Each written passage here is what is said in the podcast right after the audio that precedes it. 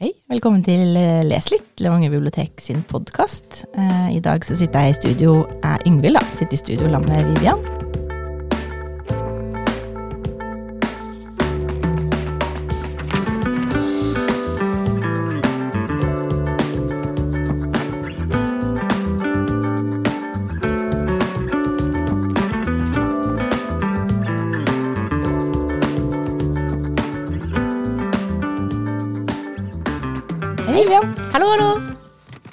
Dag skal vi snakke om litt dystre temaer. Ehm, Vi har jo et mål om at eh, gjennom podkasten skal vi innom bærekraftsmål i skjønnlitteratur og også litt faglitteratur, uten at det nødvendigvis er så veldig tydelig for lytterne, så prøver vi å bruke FN sine bærekraftsmål som en rettesnor for enkelte av episodene.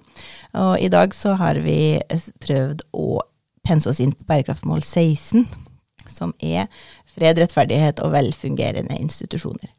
I dag er det 30. mai 2022, og det tenker jeg er lurt at vi nevner, i og med at vi skal snakke om krigen i Ukraina som pågår. Og hvis du da hører på podkasten ved en senere anledning, så kan det hende det har skjedd ting som vi ikke da visste om mens vi snakka i dag. Eh, Vi har med oss en film, eh, en tegneserieroman og en roman i i studio i dag. Vivian, hva har du lyst til å starte med? Jeg tenker at det kan være spennende å starte med filmen 'Atlantis', eh, som eh, ble sluppet i 2019. Mm. Eh, det er en fremtidshistorie, for vi er i året 2025. Eh, og vi er i Øst-Ukraina. Den ligger i ruiner etter en storkrig eh, mot eh, Russland. Ja. Eh, så det har jo da mm, eh, regissøren eh, liksom eh, sett for seg, Valentin Vasanovic, eh, sett for seg hvordan dette kan eskalere. Og det er ikke så rart, fordi det har jo vært en konflikt i Øst-Ukraina eh, hele tiden. Ja. Eh, men vi i Norden, de nordiske landene, har ikke vært kanskje like informert om at det har vært en pågående konflikt der Nei. siden 2014. Nei, nå er vi jo veldig informert om det som skjer nå, men eh, det har jo faktisk vært eh, krig lenge. Mm. Og Maidan-revolusjonen var jo Starta det på høsten 20, 2013, det. Ja, november Ja. cirka. Mm. tror jeg. Ja, riktig. Og pågikk da inn mot 2014. Og så har det jo vært, eh, det har jo vært væpna konflikt på grensa mellom, eh, i Øst-Ukraina mellom Russland og Ukraina. Donbas-regionen. Mm. Um, og nå dessverre så er det jo da krig i hele Ukraina, som alle vet om. Ja. Så denne filmen, um, den syns jeg var um, interessant. Um, fordi vi møter jo krigsveteranen Sergi. og Han er jo ansatt på et eh, stålverk, og filmen er jo eh, eh, i eh, Azovstal, som er stålverket i Mariupol. Ok, det visste jeg ikke. Mm, nei. Mm. Og det gjør det òg litt mer sånn eh, eh, autentisk, da. Mm.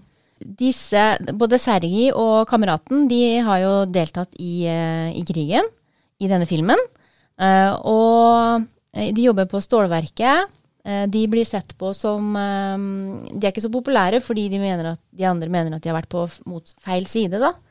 Um, og de har traumer, store traumer. Mm. eh, PTSD etter eh, krigsopplevelsene. Uh, og ja, hva tenker du om eh, hvordan de takler livet etter krigen? For filmen tar jo utgangspunkt i at krigen nå er ferdig. Um, det er jo en veldig sånn dyster framstilling av livet, spesielt i han her Sergej. da. Kameraten for, har det jo kanskje enda verre, uten å si så mye mer om det. Men uh, Mm. det er veldig trøstesløs eh, hverdag, det er i hvert fall som det framstilles, da, og, ha, og, og ensomt og mørkt og grått. Og det er veldig mye bra virkemidler sånn eh, visuelt i denne filmen. der Du får jo, du blir jo får en stemning av å, å se på den. Når jeg så den, så var jo ikke jeg helt eh, Jeg fikk den jo egentlig bare i hånda av det, og så tenkte jeg skulle se den, så ante jeg egentlig ikke helt om hvordan den var, da. Nei. Så den var mye mer eh, kan man si, kunstnerisk laga, da. Veldig eh, visuelt sterk, og kanskje ikke like mye eh, dialog og sånne ting. Du får liksom historien uten at det snakkes i hjel, da. Mm. Ja. Det er jo den, den, den filmen her, den har jo fått eh, pris, topprisen for, eh, for, for eh, Venezia Filmfestivalen i 2019. Mm.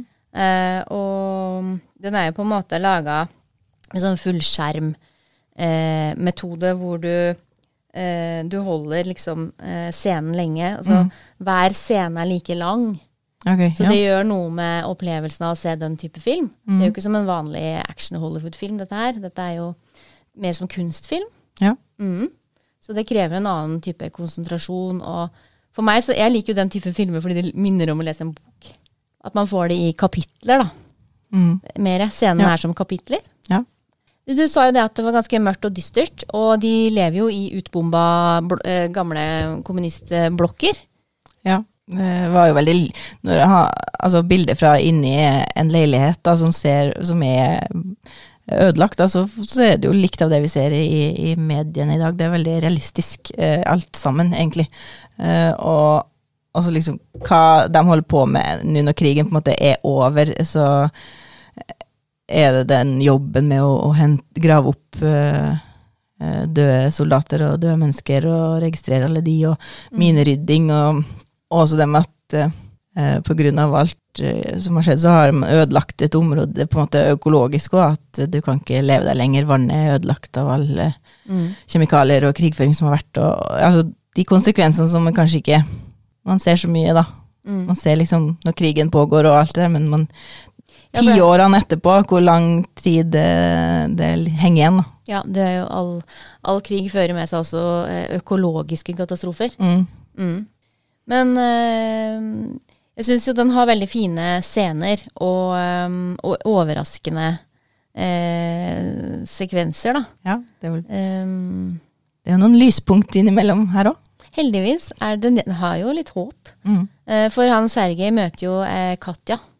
Mm. Og Katja jobber i Svarte tulipaner, en organisasjon sånn som du sa, som var med på å grave opp de døde. Ja. Og eh, bringe de inn til, eh, til sykehus, eller i, på laben, da, der de Hva heter det? Der de Obduserer dem. og- ja. Ja. Eh, og noterer ned hva de hadde på seg. Mm. Em, og da, på den måten finner du ut hvilken side av konflikten de var på. Ja. Um, for å, ja, I forhold til pårørende og etterkommere seinere, men også for å registrere uh, historien faktisk. da. Mm. Hvor mange er det som er døde, hvem var de? Og Katja er jo utdanna arkeolog, Ja, det var det. så det var litt sånn Det var liksom eh, ikke det hun hadde tenkt å drive med, kanskje. Nei, hun graver nå, men uh, hun graver i, i nåtid. Mm. Så ja, det er en film som er å anbefale, helt klart. Uh, I tillegg så regissøren her har jo Kanskje folk har kjenner igjen filmen uh, The Tribe. Stammen. Mm. Det var en film som handler om eh, døve. Voksne døve på en institusjon. Ja. Den har også vunnet mange priser. Eh, ja. Så liker man uh, film som er uh, som, gir det, som engasjerer, og som uh, gjør at du må tenke selv, så anbefaler vi Atlantis. Mm. Før vi går over til Altså, vi skal gå over til en, bok, en ny bok, en tegneserieroman, som heter Et splittet folk, skrevet av Fedor Sapegin. Mm. Eh, og du snakka om Maidan-revolusjonen i stad, eh, i forhold til Atlantis-filmen. Eh, og det er jo noe som skjedde i Ukraina i, i 2013. Så bygde det seg opp til eh, stor motstand fra folket mot eh, sittende president og regjering, eh, som ble til Maidan-revolusjonen. Eh, Folk var jo fryktelig lei av eh, korrupsjon, eh, oligarker og øh, vanskelige forhold, Øh, og ønska et tettere samarbeid med EU, blant annet. Mm. Det her leda jo til en eh, massakre på denne Maidan-plassen i Kiev som, eh, som ble snikskyttere som, som skjøt på ubevæpna demonstranter og drepte en masse, masse mennesker. Mm. Og vi har jo sett i mange lignende konflikter i verden at sittende regjering og president eh, vil gjerne slå ned på sånn her type demonstrasjon fra folket, da, der det ikke demokratiet på en måte råder, og, og bruke voldelige metoder for å stoppe ikke-voldelige demonstranter i utgangspunktet. Og det ble vel også lagt noe Det ble vel eh, sagt at eh, Eller gjort, gjort det til slik at det så ut som demonstrantene skjøt mot politiet, og derfor hadde politiet på en måte eh, lov å, å, å skyte tilbake, men at kanskje dem som, eh, som utga seg som demonstranter, også faktisk hørte til eh, politiet, opprørspolitiet sin side, da. Det var mye Mye dirty triks her. Ja, mye dirty triks. Og det er jo sånn, en boka starter jo med en, eh, en, en figur som vandrer gjennom Kievs gater som kalles for Skyggen, som, som er på vei opp på et tak for å, å, å, skyte på demonstranter. Og da tenker jeg Skyggen her representerer jo en, en stor gruppe med skarpskyttere og snikskyttere som var sendt ut for å, for å ta ned de her demonstrantene. Mm. Eh, han Fedor Sapegin han ble født i 1985 i, i datidens Sovjetunionen. Eh, han kommer fra, altså da, i Russland, da. I det som nå er Russland. Mm. Eh, men flytta jo til Canada eh, som barn. Mm. Eh, men nå bor han jo og jobber som illustratør her i Norge. Så mm. han eh, har valgt å, å, å, å, forske litt på hans tidligere på en måte hjemlandskonflikt, som har vart veldig lenge. Mm. Det som er fint eh, med en tegneserieroman, det er at du får eh, bildene. Uh, og det som jeg syns er spennende med akkurat et splittet folk, det er at vi får konflikten mellom de som er pro-russiske og de som er pro-Ukraina, pro-Europa. Man får på en måte den dynamikken da, mm. inn, i, inn, i, bildene, og at vi følger, følger hver side. Og det syns jeg er veldig interessant. Når det er også en pågående konflikt nå, for det er veldig lett å bli på den ene sida bare se det bildet. Mm. Eh, men samtidig så Jeg syns han klarer å være ganske nøytral i fremstillingen. Ja, veldig nøytral. Får liksom ikke hans syn på saken frem, på en måte. Det er jo Og han har vel Altså, han har reist rundt og snakka med forskjellige folk. Det er jo på en måte intervjuer han har mm. eh, lagt ut i tegneserieform, da. At man ser han sjøl og mm. og ulike mennesker som sitter og snakker sammen, og så får vi på en måte innholdet i intervjuet i snakkeboblene. Så det mm det er en uh, engasjerende måte å få fram uh, mm. fakta på. Mm. Uh, men den nå er på en måte litt dyster. Du snakka om denne filmen, den var liksom veldig mørk. Og, mm. og den her er jo svart-hvitt. Ja. illustrert i svart-hvitt. og så er det noen Han um, har liksom de her un, Hva heter det? Underteksten, eller det er i ulike fonter, da. Ja, det er mye forskjellig. Ja. Så, og det har, vet jeg, det har vært litt sånn eh, fram og tilbake om i forhold til hvor heldig var det og ikke, men, men sannsynligvis så har vel forfatteren en, eh, en, plan med det. Jeg tenker jo at det er en mening med at der det står, altså der han skriver faktaopplysninger og mm. navn på folk, så står det sånn en rett og fin firkant med mm. helt enkle bokstaver, mens der folk uttaler seg om ting eller mener noe, så er det en sånn taggete snakkeboble mm. med litt sånn ja, hva skal jeg si, brodd, da. Mm. Kanskje det er en brodd, mm. altså rett og slett. Mm. Så jeg tror han uh, har helt sikkert en mening uh, altså Kanskje noen syns det ser rotete ut, og jeg vet ikke. Jeg syns det går helt fint for meg. Uh, det er spennende synes jeg, å tenke på hva slags visuelle tanker har folk bak det de skriver og tegner. da. Mm. Hvis man skal si mer om, om det visuelle med en tegneserieroman her, som er det er jo at det, det, vises jo Altså, han tegner mye død og elendighet, krig og, og, og døde folk og skada folk. Eh, og når det er i svart-hvitt, så blir det på en måte litt, litt, mindre grafisk da, enn det vi ser i på en måte, nyhetsbildene i dag. Eh, og da fikk det jo meg til å begynne å google noen av de her hendelsene, faktisk, fordi at han snakker om at jeg husker jeg så bilde av det eller det, jeg husker den situasjonen, og så googler jeg det, og så finner jeg jo mye altså ekte bilder og hvordan det egentlig var. Eh, men eh, Vivian, hvorfor vil du, vil du, anbefale folk å lese en tegneserieroman om, eh, om krig og konflikt i Ukraina? Med, det, hvorfor vil du anbefale denne boka til noen?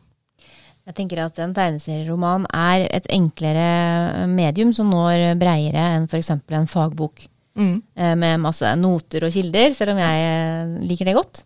Men en tegneserieroman når breiere ut, og det, ja, ungdommer kan jo lese den. Ja. Eh, folk som ikke er så veldig stødige på norsk ennå, kan jo fint lese den. Mm. Eh, I tillegg så er det jo et eget medium som, som krever at du Du bruker jo sansen, flere sanser. Eh, og du kan også, selv om, selv om den er illustrert og, og, gir deg et inntrykk av hva, hva budskapet er, og hva scenene er, så kan du også bygge fantasien din på det. Mm. Men det krever noe annet av deg som leser. Eh, så jeg tenker at eh, en tegneserieroman om krigen i eh, Eller konflikten i Ukraina før det ble en reell krig sånn som nå, så kan det også skape nysgjerrighet og engasjement i forhold til å sette seg mer inn i det som skjer nå, da. Mm. Mm. Ja.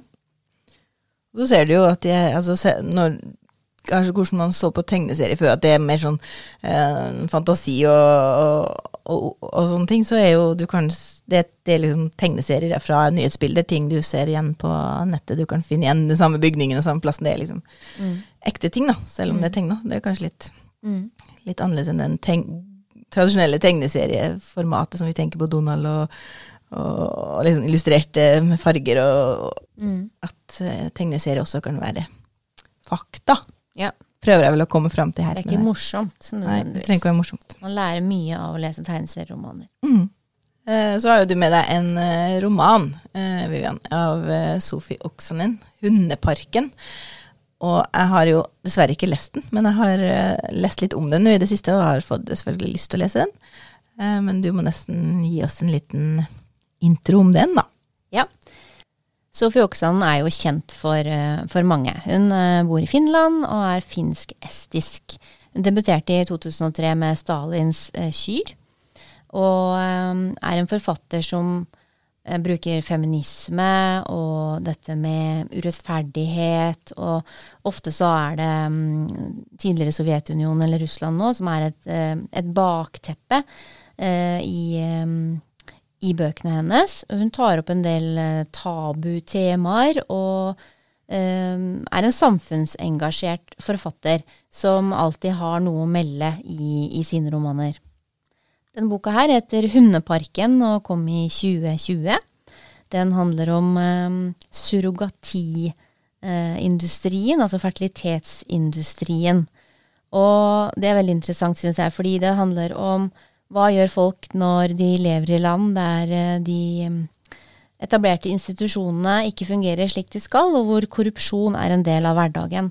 Så surrogati i forhold til og um, donor um, donering av egg eh, er altså da en industri som fattige kvinner kan benytte seg av for å klare å skaffe en inntekt til seg og familien sin. Og i Hundeparken så møter vi to hovedpersoner, som eh, Daria og Olenka. Eh, Olenka har tidligere vært eh, modell i, i- i Europa, i Paris. Ikke kanskje nødvendigvis en sånn kjempesupermodell, men det var vel det hun drømte om. Eh, som mange unge jenter drømmer om. Eh, hun har vært på en del reklameformat reklame for mat og andre ting. Og mor, mora hennes var veldig stolt av, ja. av det hun har prestert, og har da klistra opp masse plakater og bilder og utklipp av eh, henne da, i sitt eh, modellyrke. Hun kommer tilbake til eh, Ukraina og skal prøve å finne en jobb, og det er veldig vanskelig. Og kommer da inn i det her eh, fertilitetsindustrien på en sånn måte at hun Fordi hun selvfølgelig da er jo veldig pen, sannsynligvis, Ja. og har en veldig fin kropp, som da jobba som modell. Eh, og for å selge inn det her til vestlige eh, kunder, så trenger de jo pene, vakre eh, damer. Og blonde, Ja, særlig. spesielt. Uh, og så hun selger jo kroppen sin, da. Hun donerer egg. Og det er jo litt av en runde å være med på alt det her med hormonkurer og Så det syns jeg er interessant. At det, det etiske i det, da. Eh, kan du ikke få barn, så kan du kjøpe det et annet sted. Eller kan du ikke altså I Norge er jo surrogati forbudt. Eh, og det som er interessant med denne boka her, synes jeg også, det er liksom det med eh, hvor utrolig urettferdig det er. Og, og hun tar opp det med Det er jo en jente som dør, f.eks., på Kypros. Der er det jo en, en klinikk hvor en ung tatarjente dør. Og det liksom. De syns det var, kanskje var like greit. Eh, når de er ferdig med å donere egg, så er det ingen som følger de opp. Når de er ferdig å bære frem barn, så er det heller ingen som, som følger de opp i etterkant. da. Så denne romanen her er jo veldig sånn samfunnsaktuell. Og jeg tenker på, Husker du det var eh, med en gang krigen starta, mm, så var det bilde av en barnepleier eh, i Kiev som satt på en klinikk med veldig veldig mange nyfødte Ja. babyer. Husker du det? Ja, ja. Ja. Så hun kunne ikke reise til sin egen familie og flykte, fordi hun jobba ved den klinikken. Og hun skulle passe da på babyene. Og de som hadde bestilt da, disse babyene, de kunne ikke komme og hente dem.